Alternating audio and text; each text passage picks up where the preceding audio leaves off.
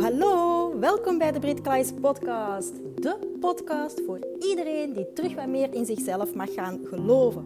Want ik ben er namelijk van overtuigd dat we met z'n allen de wereld een beetje mooier kunnen maken als we onszelf gaan omarmen wie we echt diep van binnen zijn.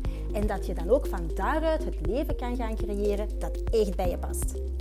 Wekelijks deel ik heel graag inspiratie en tips met je over hoe jij de beste versie van jezelf kan worden. Dus hoe kan je perfectionisme doorbreken? Hoe kan jij voor de volle 100% gaan staan voor wie jij diep van binnen echt bent? En ben je ook wel benieuwd naar mijn verhaal? Dan zit je hier alvast goed. Ik heb er heel veel zin in. Veel luisterplezier!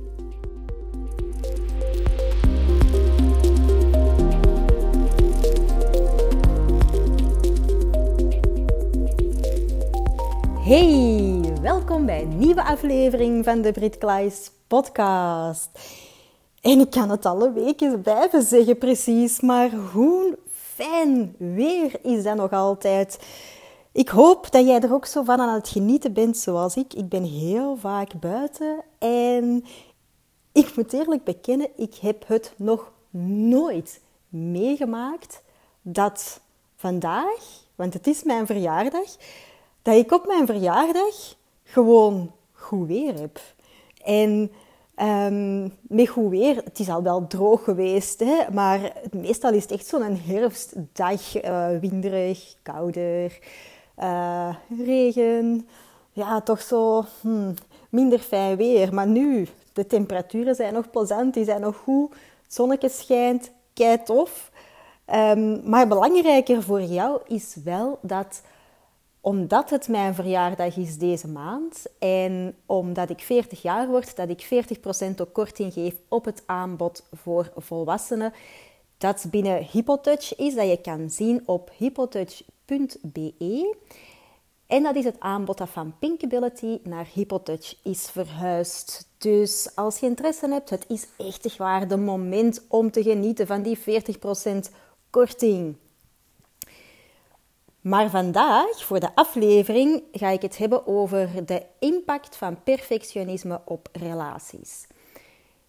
De impact van perfectionisme op jouw relatie en die is best wel groot. En we zijn er zo blind voor als het maar zijn kan. En um, dat is wel heel jammer, dat is heel spijtig, want dat maakt jouw relatie veel moeilijker dan dat het eigenlijk hoeft te zijn. En ik ga het hier hebben over een relatie, een romantische relatie, dus met je partner. Maar eigenlijk geldt dat voor alle relaties. Dat geldt ook voor de relatie binnen jouw familie, de relatie met je vrienden, de relatie met je collega's. Gewoon alle mensen waar jij mee te maken hebt, daar heeft het wel een effect op. Het grotere verschil met je relatie op romantisch vlak, met je liefdesrelatie, is dat die persoon staat het dichtst bij jou. En hoe dichter dat een persoon bij jou komt, hoe dichter dat een persoon ja, tot jouw echte ik komt, um, hoe meer iemand zich wilt verbinden en hoe dieper die verbinding is, hoe groter dat die verbinding ook wel is, ja, hoe, hoe meer impact dat dat ook gaat hebben en hoe lastiger dat perfectionisme dat eigenlijk ook wel gaat maken. Ik heb het in vorige afleveringen al een aantal keer gezegd, maar perfectionisme is iets wat je ooit hebt nodig gehad. Het is een overlevingsmechanisme en dat is een respons op een ervaring die je hebt gehad, op een gevoel dat je hebt gevoeld, um, dat voor jou een traumatische ervaring was. Een traumatische ervaring, dat hoeft niet mega groot te zijn. Dat is gewoon een moment dat er gebeurd is waarbij jij eigenlijk niet goed wist wat je daarmee moest, ja, wat je moest gaan aanvangen met, wat er gebeurde op dat moment. Uh, dus daar draait het eigenlijk om. En heel vaak ja, wordt perfectionisme ook wel gevormd in de kinderjaren. Wanneer je nog heel erg jong bent en wanneer je eigenlijk weinig tools hebt om op een volwassen manier mm, ja, een, ehm, te kunnen omgaan met bepaalde situaties. En als gevolg leg je heel veel druk op jezelf. Je bent heel bang om fouten te maken.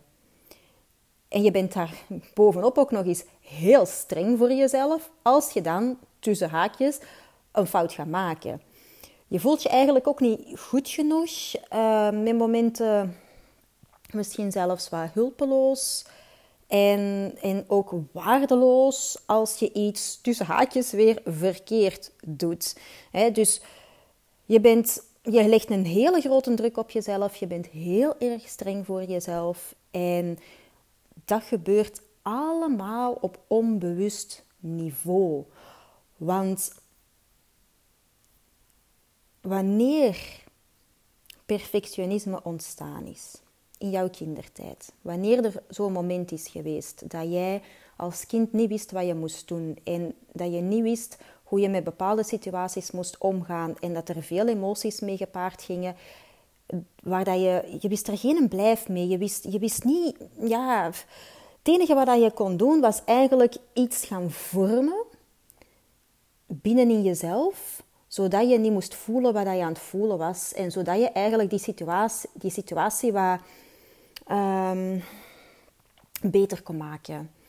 En voor jezelf ook niet zo pijnlijker. Maar je was ook heel hard bezig met, met um, de mensen rondom jou. Je wou gewoon dat alles in orde was. Hè? Dat, dat er terug rust kwam. Daar, daar draait het veel om.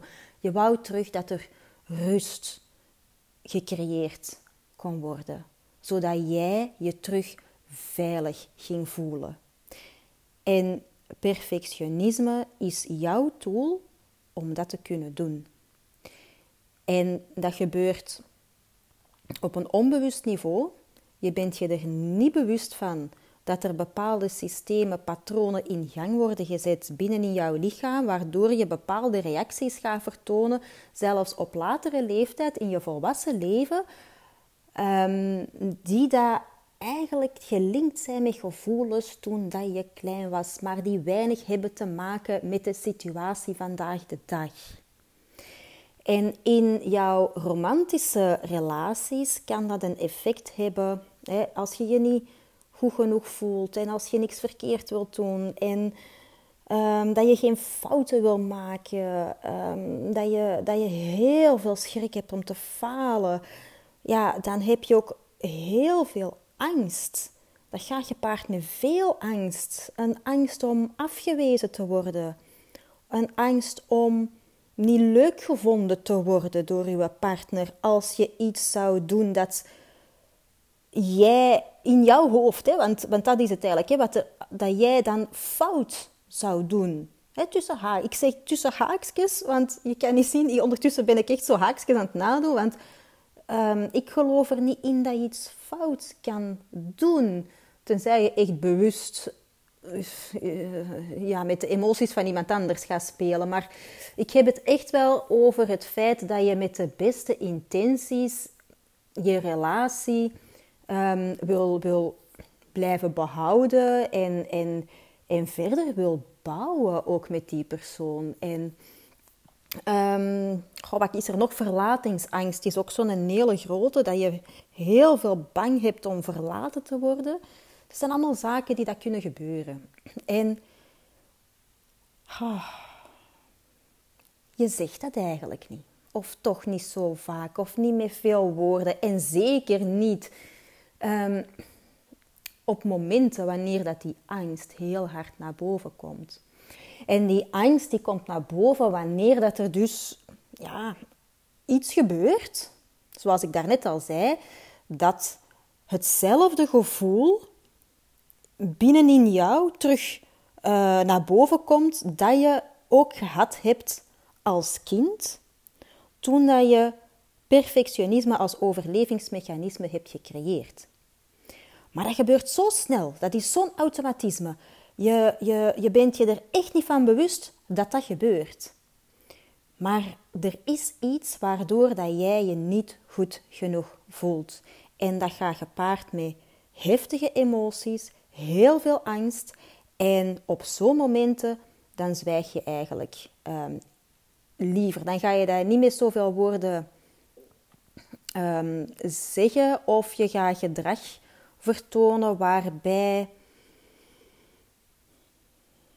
dat je, ja, dat je niet, meer, of niet meer per se zo dicht bij jezelf gaat staan, uh, maar waarbij dat je wel de goedkeuring gaat krijgen van je partner. En met momenten beseft jouw partner dat helemaal niet, omdat je daarover niet communiceert of onvoldoende communiceert. Um, Oké, als we dan gaan kijken naar de romantische relaties, um, wij zijn allemaal gehecht in onze kindertijd. Um, wij hebben allemaal een hechtingsstijl. Ik zal ze kort eventjes opsommen, want ik wil deze aflevering nu niet besteden aan enkel het uitleggen van die hechtingsstijlen. Er zijn ook heel interessante boeken over. Maar er zijn, of er wordt heel veel gesproken over drie verschillende hechtingsstijlen. En een eerste is dat je veilig gehecht bent. Dat je eigenlijk als kind op verschillende vlakken je noden eigenlijk hebt uh, vervuld gekregen. Waarbij dat je eigenlijk je veilig genoeg voelt binnen in jezelf en dat je niet zo snel van je melk bent wanneer dat er buiten jou iets gebeurt door andere personen. Maar dan heb je ook de angstige um, hechtingsstijl. En um, heel kort gezegd is dat je dan, ja, die verlatingsangst zit daar dan ook heel hard um, bij. Dat je, je bang om verlaten te uh, worden, uh, of, of, beter gezegd, je hebt bang om verlaten um, te worden uh, en je gaat. Ah, controle is er dan ook zo eentje van. Hè? Je gaat je, je partner een beetje willen controleren. Um, je wil veel berichtjes uh, bellen. Je wil weten wat dat je partner doet. Um, je wilt eigenlijk een veiligheid creëren zodat je niet het gevoel hebt dat je partner je zal verlaten. En dan kan je heel extreem gaan reageren, heel claimerig zelfs, wanneer je in die angst schiet. En een derde hechtingsstijl is de um, vermijdende. En bij vermijdende dan ga je de intimiteit uit de weg. Dan vind je het heel moeilijk als er iemand heel dicht bij jou komt, op um, ja, emotioneel vlak dan vooral. Dan, um, dan vorm je een barrière. Of dat die nu onzichtbaar is, of dat die er effectief is, dat je dus echt je fysiek gaat verwijderen. Um, maar nee, dat is uh, vermijdingsgedrag, dan de vermijdende hechtingsstijl. En die hechtingsstijl die wordt gevormd ook in jouw kindertijd. En wij hebben allemaal een hechtingsstijl. Dat is niet abnormaal, wij hebben dat allemaal. En die hechtingsstijl, dat heeft te maken met hoe dat wij ons hebben kunnen hechten aan onze ouders. Hoe dat de situatie thuis was toen dat wij een kind waren. Welke noden dat er allemaal vervuld waren bij ons. Welke er wel vervuld waren, welke er niet vervuld waren en welke ja, copingmechanismen, overlevingsstrategieën dat jij gecreëerd hebt om te kunnen omgaan met bepaalde situaties waar op dat moment als kind heel moeilijk was. Nu, dat zijn er drie. En de veilige, gehechte personen, mm, dat, dat, dat is niet dat die, um, zoals iedereen, hè, kunnen er wel eens wat conflicten zijn binnen een relatie, maar het is niet dat die daar zo'n een, een, uh, zoveel moeilijkheden eigenlijk uh, bij ondervinden. Maar bij de angstige en de vermijdende, ja, dat geeft wel een extra moeilijkheidsgraad aan je relatie. En heel vaak zijn er ook angstige personen die daar aangetrokken worden door de vermijdende personen. En ja, juist hetgeen wat zij nodig hebben in situaties wanneer dat ze um, veel angst ervaren of veel emoties ervaren, dat is tegenstrijdig, waarbij dat ze elkaar heel hard beginnen te triggeren. Nu, er is nog een hechtingsstijl waarover heel weinig gesproken wordt, tot hiertoe wat ik gevonden dan toch heb. um, op Nederlandstalig vlak. Er komt wel zoiets voor, ik heb het ooit eens in een boek gelezen, uh, dat er ook een combinatie bestaat tussen de angstige en de vermijdende. Maar dat dat eigenlijk, daar kwam het op neer. Zo zal het niet in die boek hebben gestaan, maar zo heb ik het onthouden. Um, dat het eigenlijk ja, hopeloze gevallen zijn, om het zo te zeggen. Dat het gewoon heel ingewikkeld is. Want ja, je hebt zowel een angstige als een vermijdende um, kant in u.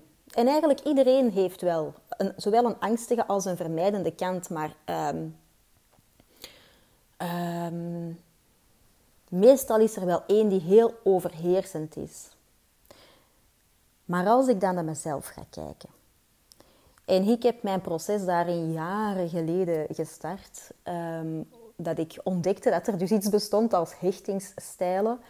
Uh, en dat ik dan ook ontdekte dat ik eigenlijk een schoolvoorbeeld was van perfectionisme. En dat ik mij begon te verdiepen in die onderwerpen. En dan, als ik heel eerlijk naar mezelf toe was, dan had ik zoiets van: ja, ik herken wel zaken van de angstige hechtingsstijl, maar ik herken ook wel zaken van de vermijdende hechtingsstijl. Dus dan ben ik gewoon nog wat verder gaan graven en wat, wat meer gaan, gaan uh, onderzoeken. En als je dan gaat kijken naar, ja, naar literatuur vanuit, vanuit, vooral in Amerika heb ik uh, dan wel zaken gevonden. De, ja, de combinatie bestaat wel degelijk en komt veel vaker voor dan dat we denken. Dat is mijn mening. Um, en dat is wel heel hard gelinkt met perfectionisme. En dan wordt ook de fearful avoidance genoemd. Hè? Dus dat je eigenlijk, dat, je bent de, de angstige vermijders. Dat, dus je hebt ze echt wel allebei. En dat speelt zo van teen naar tander. Of dan kan het zijn dat je angstig bent, dan kan het zijn dat je vermijdend gaat worden. Um, en ook daarin zijn er weer gradaties. Hè? Er zijn fearful avoidance die dan meer naar het angstige neigen en er zijn fearful avoidance die meer naar het vermijdende neigen. iedere persoon is ook uniek, dus, uh, dus dat is wel logisch. Maar om het gewoon in een bepaald hokje te steken, fearful avoidance. Nu, dat zijn mensen die daar als kind zijn opgegroeid in een omgeving die daar um, niet altijd veilig voelde. En dan heb ik het niet fysiek, hè, of niet enkel fysiek. Hè. En ik hoop oprecht dat je niet hebt meegemaakt dat je als kind in een omgeving hebt moeten opgroeien waarbij dat je uh, op fysiek vlak je niet veilig voelde. Maar het gaat ook om het emotionele, om het mentale, om, om, om je gevoelswereld. En als je als kind opgroeide in een omgeving waarbij dat je jezelf niet goed genoeg voelde, waarbij je jezelf dus hulpeloos voelde bij momenten dat je uh, jezelf niet altijd genoeg waard vond, uh, dat je bang had om niet leuk gevonden te worden, dat je bang had om verlaten te worden, ja, dan ga je dus perfectionisme als een soort van mechanisme gaan creëren, zodat je je kan gaan aanpassen aan de mensen in jouw omgeving. En in de eerste instantie, vroeger als kind, was dat aanpassen aan de, je ouders in de eerste plek, maar dat kan ook familieleden zijn. Dus, dus eigenlijk de mensen waar dat je heel vaak mee in contact kwam uh, toen je kind was en die een opvoedkundige rol hadden, waar dat je ook wel um, ja, veel tijd mee doorbracht. Maar dus ook wel hè, dat je in zo'n situaties niet moest voelen wat dat je aan het voelen was. Hè. Dat je de vrede bijvoorbeeld wilde bewaren, um, dat je uh, ervoor wilde zorgen dat mama en papa um, allebei gelukkig waren en dat je manieren gaat vinden om die gelukkig ook te maken. En als kind ga je jezelf eigenlijk wat achteruit schuiven, want je vindt het heel, heel, heel belangrijk dat jouw uh, jouw gezin goed functioneert in een fijne, warme omgeving. En ja, als je natuurlijk gaat kijken bij perfectionisme, je gaat je beginnen aanpassen aan je omgeving. Dus dat wil ook zeggen dat je de noden van anderen eigenlijk belangrijker gaat vinden dan die van jezelf. Je gaat meer aandacht besteden aan die noden van anderen en de noden van jezelf ga je minder onderzoeken. Je gaat die minder ehm, ja, onderzoeken. Je gaat die eigenlijk minder ook ontdekken. Want, want ieder kind, iedere persoon, zowel ik, maar jij ook, wij hebben allemaal moeten ontdekken wat dat wij echt heel erg belangrijk vinden in ons leven. En als je gaat kijken naar die fearful avoidance, waarvan ik dus echt wel van, uh, ja, mijn mening, ik ben ervan overtuigd dat perfectionisme en fearful avoidant gedrag heel hard aan elkaar gelinkt is. En fearful avoidance, die, uh, die snakken heel hard ook wel naar connectie. Die snakken heel hard naar liefde, maar op een dieper niveau. Geen oppervlakkigheid. Um, maar tegelijkertijd vinden ze het verschrikkelijk moeilijk om dat te doen. Want ja, als je op een dieper niveau wil gaan verbinden, als je op een dieper niveau wil gaan connecten met iemand anders, en als je dat dus wil doen met je partner waarbij je het dichtst bij gaat staan, dat boezemt jou ook angst in. Want wow, wat als? Wat als je iets zou doen, iets zou zeggen, iets zou. dat er iets zou gebeuren dat jouw partner niet leuk vindt. En een hele kleine opmerking, dat zelfs met een lachende zwans kan gegeven worden door jouw partner, kan zo hard bij je binnenkomen, omdat je diezelfde pijn ervaart van je niet goed genoeg te vinden, je niks waard te vinden, je heel hulpeloos te vinden, dat, dat, dat je had toen dat je kind was. En op zo'n momenten sluit je jezelf af. Of, of ja, er kunnen misschien twee dingen gebeuren. Het kan misschien zijn dat je een snauw gaat geven, een snauw terug gaat geven en dat je partner misschien ook niet gaat beseffen van, oh, wat gebeurt er hier? Um, of je sluit je gewoon af, je zwijgt en je ondergaat het. En je gaat die emoties, die gevoelens die daar komen opborrelen in jouw lichaam, die ga je terug willen wegduwen. Want dat is hetgene wat je hebt gedaan van kind af aan. Je wilt dat niet voelen.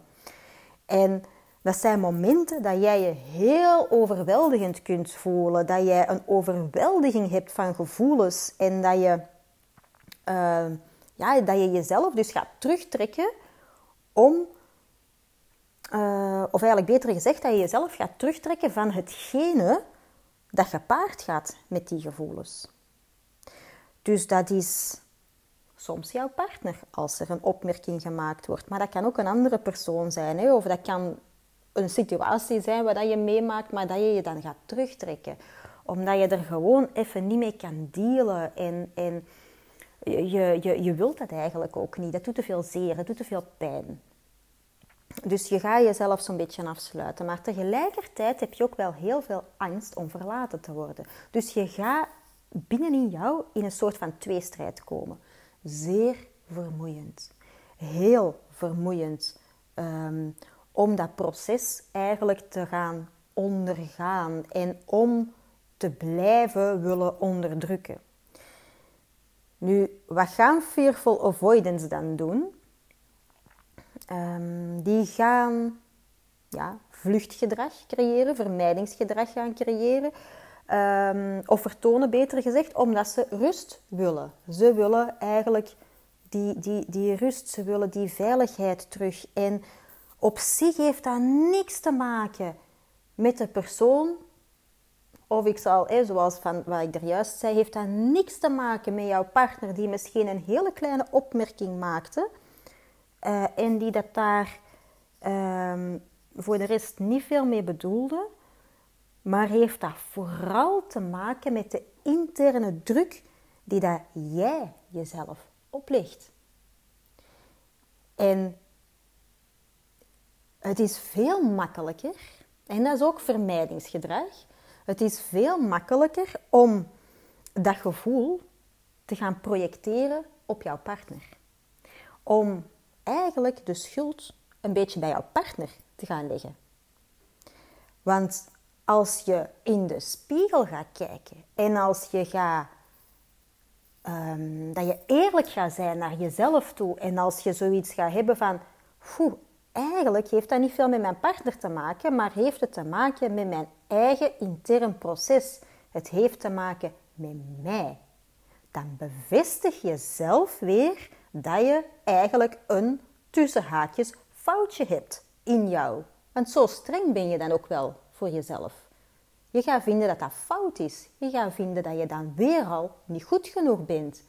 En je bent eigenlijk in een intern conflict gekomen, want je wilt wel connectie, je wilt wel die diepgang, je wilt wel liefde kunnen geven, liefde kunnen ontvangen, maar er zit een blokkade op. Er zit een blokkade op en die blokkade is dat perfectionisme, de blokkade is dat jij jezelf niet genoeg waard vindt en dat jij jezelf niet goed genoeg vindt. Dat is die blokkade. Dus ja, dus perfectionisme heeft een heel grote impact op jouw relatie. En er is maar één iemand die dat, dat kan doorbreken. En dat ben jij. Dat ben jij zelf.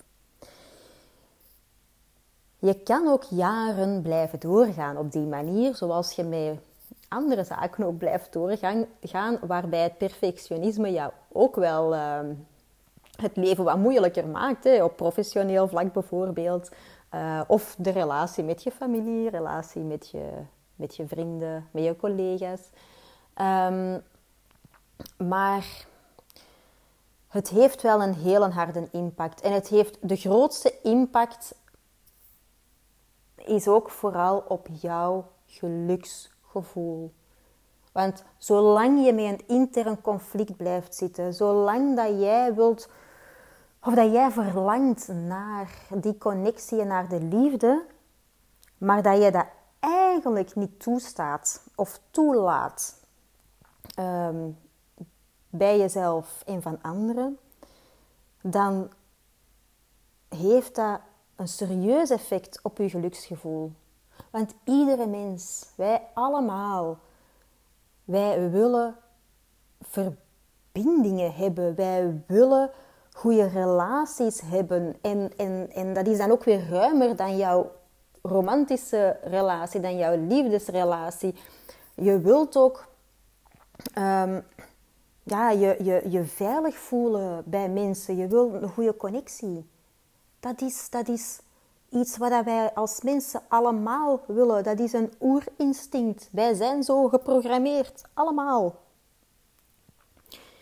En als je met die onveiligheid zit, die de ene keer wat meer uh, ja, in jou aanwezig is dan de andere keer, het is gewoon vermoeiend en het is moeilijk en het is frustrerend ook voor jouw partner, omdat je um, je laat jezelf eigenlijk niet volledig zien wie dat je bent. Je durft dat niet. Je durft jezelf niet te laten zien wie dat jij eigenlijk echt van binnen bent. Authenticiteit is een hele moeilijke. Want dan wil zeggen dat je in de eerste plek ook heel eerlijk naar jezelf moet zijn. Dat je heel authentiek naar jezelf moet zijn, zodat je dat ook kan zijn naar iemand anders toe. En het is zeer moeilijk om, um, om dat te gaan doorbreken, gewoon door het op een rationele manier aan te pakken. Door uh, als je iets voelt ook dat te gaan wegdrukken, uh, want dat blijft aanwezig. Hè. Dat is niet weg, hè. Dat gaat niet weg. Maar ja, wat kan je daaraan doen bijvoorbeeld? Wat zijn al eerste stappen die dat je kan doen? En dat is, oh, echt, ik blijf erbij, de allerbelangrijkste stap die er is, is bewustwording. Wees jezelf ervan bewust dat je patronen hebt. Wees jezelf bewust dat je een overlevingsmechanisme, perfectionisme hebt gecreëerd. Want als je daar niet van bewust bent, dan is dat overheersend in jouw leven. Want dat speelt op onbewust niveau. Je denkt daar niet over na. Het is een automatisme. Het is iets dat gebeurt en het maakt jouw leven gewoon moeilijker. Het maakt jouw leven vermoeiender. En dat is voor niks nodig. Maar vaak weten we het niet. Heel vaak weten we het niet. Dus dat is een eerste stap. Wees je bewust van het overlevingsmechanisme perfectionisme. Wees je bewust van dat er een aantal hechtingstijlen zijn. Je hebt de veilige hechtingstijl, je hebt de angstige, de vermijdende. En je hebt dan de combinatie van de twee. En dat is de fearful avoidance. Als je zelf wilt gaan opzoeken, dan ga je op die manier daar meer over vinden op het internet.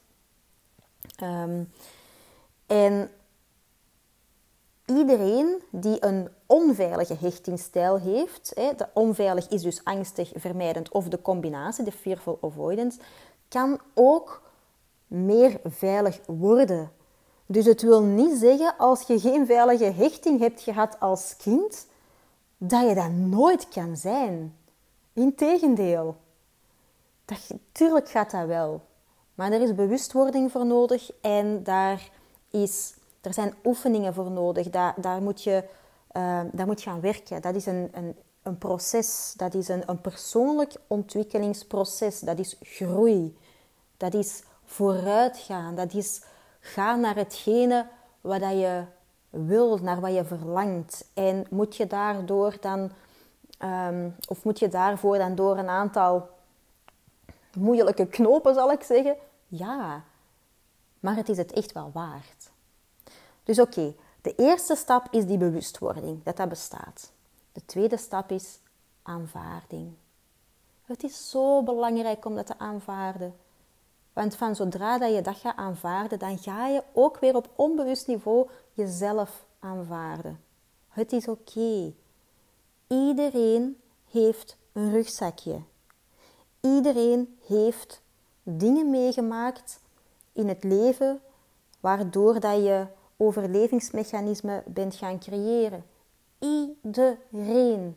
Er zijn geen uitzonderingen. In mijn ogen bestaat er niet zo iemand als ehm, een veilig gehecht persoon in de kindertijd die heel het leven door ook nog veilig door het leven is kunnen blijven paraderen. Nee, wij maken allemaal situaties mee waarbij dat er serieuze pijnen zijn, waarbij dat er veel emoties zijn en die dan een impact hebben op ons leven. Dat maken we allemaal mee. Maar aanvaarding.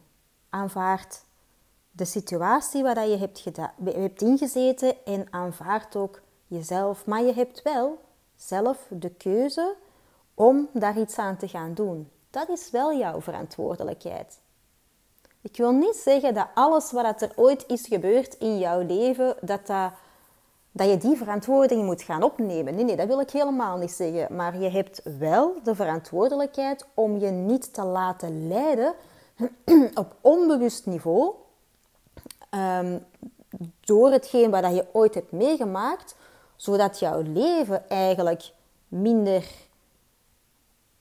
um, minder, minder plezierig is, minder, minder, minder fun is, uh, minder vanzelf loopt.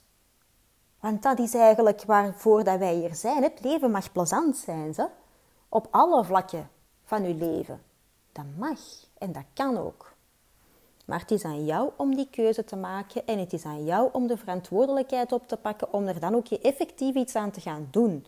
Het is aan jou ook om te zeggen van oké, dat is er nu eenmaal, maar ik kies ervoor om het anders aan te pakken. En dan een derde stap is als je getriggerd wordt. En ook hier, iedereen maakt triggers mee. Onderzoek dan die trigger. Ga er niet van weg. Wil dat niet wegduwen. Want dat wil zeggen dat je ook gaat voelen. Um, dus als je iets gaat onderzoeken, als er iets jou triggert, ga dan ook eens een keer na van oké, welke emotie zit hier eigenlijk achter? Wat is hetgeen wat dat ik nodig heb? En wat is hetgeen um, wat mij veel pijn doet? En daarnaast, hoeveel heeft de huidige situatie, waardoor dat die trigger, hè, dat daar zo eens een keer wordt in geport zo, hoeveel heeft die huidige situatie eigenlijk daarmee te maken? En wees heel eerlijk naar jezelf. Want je kan dan ook teruggaan van...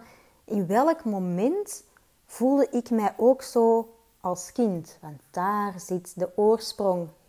Daar zit het. En het is voelen, het is gaan onderzoeken, het is een beetje curieus gaan wezen naar, naar, naar je eigen emotionele wereld, naar hoe dat jij jezelf gaat gedragen. Ehm, en als je daar meer zicht op hebt, communiceer. Communiceer dan dat met je partner. Dat mag, dat is ook oké. Jouw partner wilt eigenlijk ook niet liever dan dat je op dat vlak ook gaat kunnen communiceren. Dat je partner weet wat je nodig hebt, maar maak het ook concreet wat je nodig hebt. Zeg ook gewoon eerlijk tegen je partner van ik voel me gewoon eventjes niet veilig. Als je zo, zoiets tegen mij zegt bijvoorbeeld, hè, dan voel ik mij niet veilig. Dat doet bij mij dit en dat. Ik weet ook dat dat niet, of toch niet volledig met jou te maken heeft. Maar het zou mij wel helpen als je dit en dat doet. Maak het ook heel, heel concreet. Dat wil zeggen dat jij je kwetsbaar gaat opstellen. Dat wil zeggen dat jij eigenlijk ook tegen je partner gaat zeggen wat je grootste pijnpunten zijn. Dat wil zeggen dat jij jouw hart in een schaaltje aan je partner gaat geven. En dan is het aan jouw partner, dan is het de verantwoordelijkheid van jouw partner, wat jouw partner doet met dat schaaltje, met jouw hart. Wat gaat jouw partner doen? Jouw partner, um, ja, dat hangt een beetje ook wel vanaf van, van hoe dat jouw partner gehecht is. Hè? En ik denk ook dat het belangrijk is dat je gaat beseffen, allebei, dat het een groeiproces is voor allebei ook wel. Hè? Ehm, en wat gaat je partner doen als je partner het beste met jou voor heeft? Hè? Dan gaat je partner je hart niet breken. Dan gaat je partner echt wel het beste voor je willen doen. En als jij het voorbeeld gaat geven van, van, van zo'n communicatie zonder roepen, zonder tieren, gewoon wat dat er is, dan, dan gaat jouw partner dat ook doen. Want jouw partner gaat, gaat ook triggers hebben. En zo kan je eigenlijk elkaar gaan helpen om te groeien. En een relatie, een romantische relatie, een liefdesrelatie, dat is de grootste spiegel die dat er is. Daar word je heel hard geconfronteerd met, je, met jezelf ook. En dat geeft een heel grote opportuniteit. Dat, dat, dat kan voor heel veel groei zorgen. En het is ook oké dat iedere persoon, jij en ook je partner, een eigen groeiproces heeft. Dus je hoeft ook niet samen even snel of even traag te groeien, zolang er maar ehm, een voorwaartse beweging eigenlijk is, zolang er maar groei is. Want als er geen groei is, wat gaat er dan gebeuren? Dan komt er conflict. En wanneer er conflict is, dan ja, dat moet ik toch niet uitleggen. Dat is niet zo plezant? Ehm, maar communicatie, een eerlijke communicatie, open communicatie, authentiek, kwetsbaarheid, dat is hetgeen wat daar relaties mooi maakt. En dat is hetgeen waarbij dat jij dan als de fearful avoidant je noden van die verbinding, van die diepe liefde dan ga je die vinden. Maar het is door je eigen angst heen gaan. En tenslotte, wees ook mild. Wees mild naar jezelf, wees mild naar je partner, uh, wees mild naar alles wat je hebt meegemaakt en vergeef. Vergeven doe je niet voor de ander. Er zijn misschien ooit wel situaties gebeurd waarbij dat je eigenlijk de ander liever niet wilt vergeven. Maar eigenlijk draait het daar niet om. Het gaat om jezelf. Het gaat om het feit dat jij die lading van bepaalde situaties, dat je dat kan loslaten. En je kan dat loslaten wanneer dat je dat vergeeft. Want als je iemand anders vergeeft, wil dat zeggen dat jij eigenlijk een, een lastige emotie, en dat kan kwaadheid zijn, dat kan veel verdriet zijn, dat die lastige emotie er mag zijn en dat die ehm, niet zo zwaar hoeft te zijn. Dat die niet meer zo zwaar gaat doorwegen. Dus ik zou zeggen, ja, perfectionisme, het heeft een serieuze impact op je relaties. Als je, zeker als dat je, dat je niet bewust bent dat je, ehm, dat je eigenlijk in dat patroon telkens terechtkomt. Dat zorgt voor heel veel conflicten, dat zorgt voor veel frustratie, dat zorgt voor veel conflict binnen in jezelf.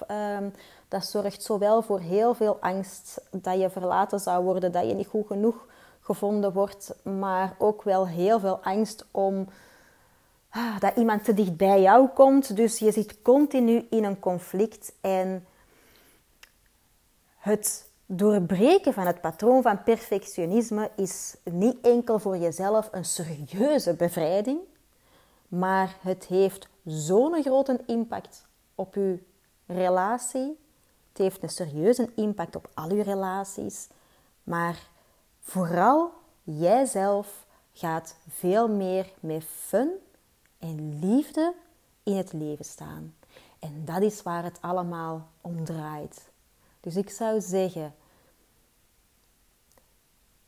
blijf niet hangen in die angst.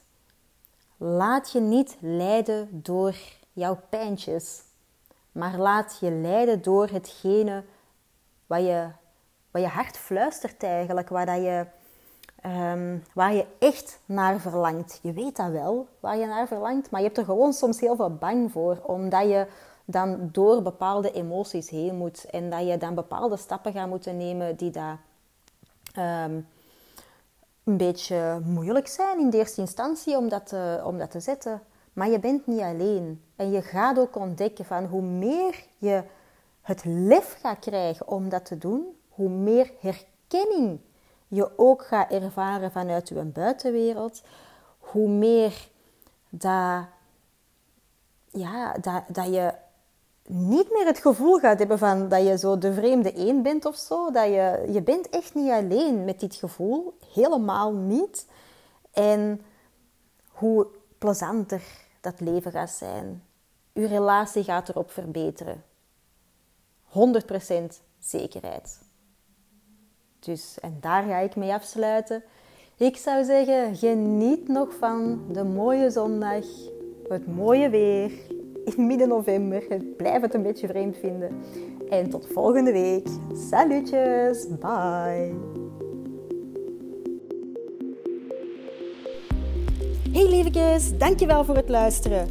Nu, wat kei plezant zou zijn, is dat als je deze aflevering interessant vond, om dan even een screenshot te maken en dit te delen op Instagram. En vergeet me dan ook niet te taggen, want ik vind het gewoon kei leuk om te zien wie er allemaal luistert. En heb je een vraag of heb je een inzicht gekregen of wil je me gewoon iets delen? Stuur me dan gerust een berichtje. Je vindt me onder de naam pinkability-britkleis. En wat ook wel kei plezant zou zijn, is dat als je op iTunes een korte review kan achterlaten. Want hoe meer reviews, hoe beter de podcast gevonden wordt en hoe meer mensen ik kan bereiken om ze te inspireren. Een dikke, dikke, dikke merci en tot de volgende keer.